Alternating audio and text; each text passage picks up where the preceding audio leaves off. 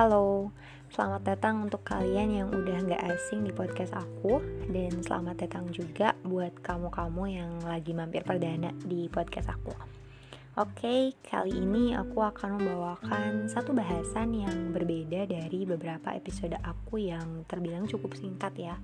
Karena memang itu jelmaan dari catatan atau syair aku. Nah, di episode ini aku akan ngomongin tentang percaya diri apa sih yang ada dalam pikiran kalian nih saat dengar kata percaya diri? Kayaknya kompleks banget ya.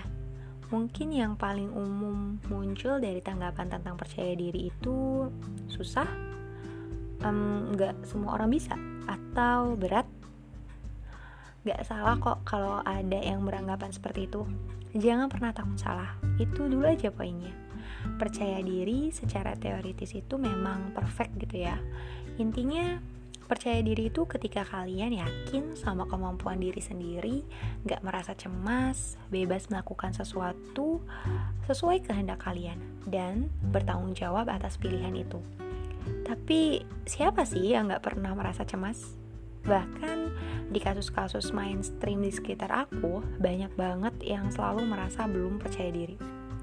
Kayak selalu takut salah, malu kalau keliru, gak berani menatap orang, atau lebih parahnya gak berani ngambil keputusan yang penting buat dirinya.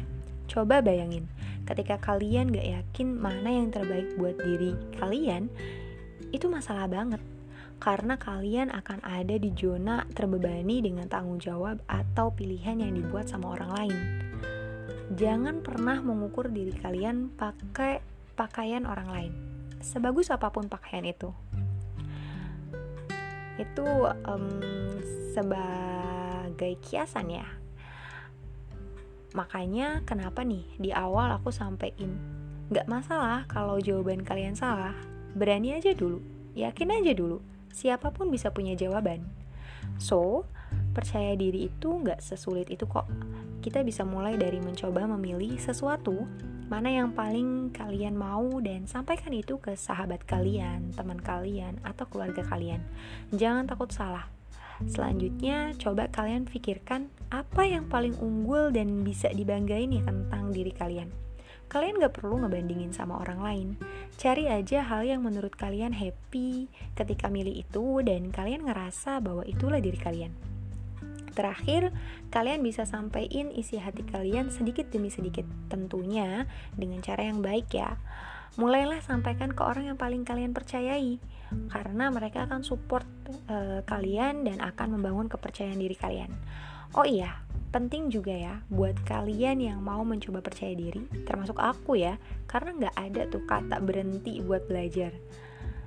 Nah, kalian harus e, memperhatikan bahwasanya Coba deh perbaiki sudut pandang kalian terhadap pencapaian atau pribadi orang lain. Artinya apa? Kebanyakan kita melihat pencapaian orang lain bukan malah termotivasi ya, namun malah insecure menjadi-jadi. Gak setiap orang sukses itu harus ada di jalan yang sama. Cari aja jalan dan gaya sukses kalian sendiri. Kalau mereka yakin, kenapa kalian enggak?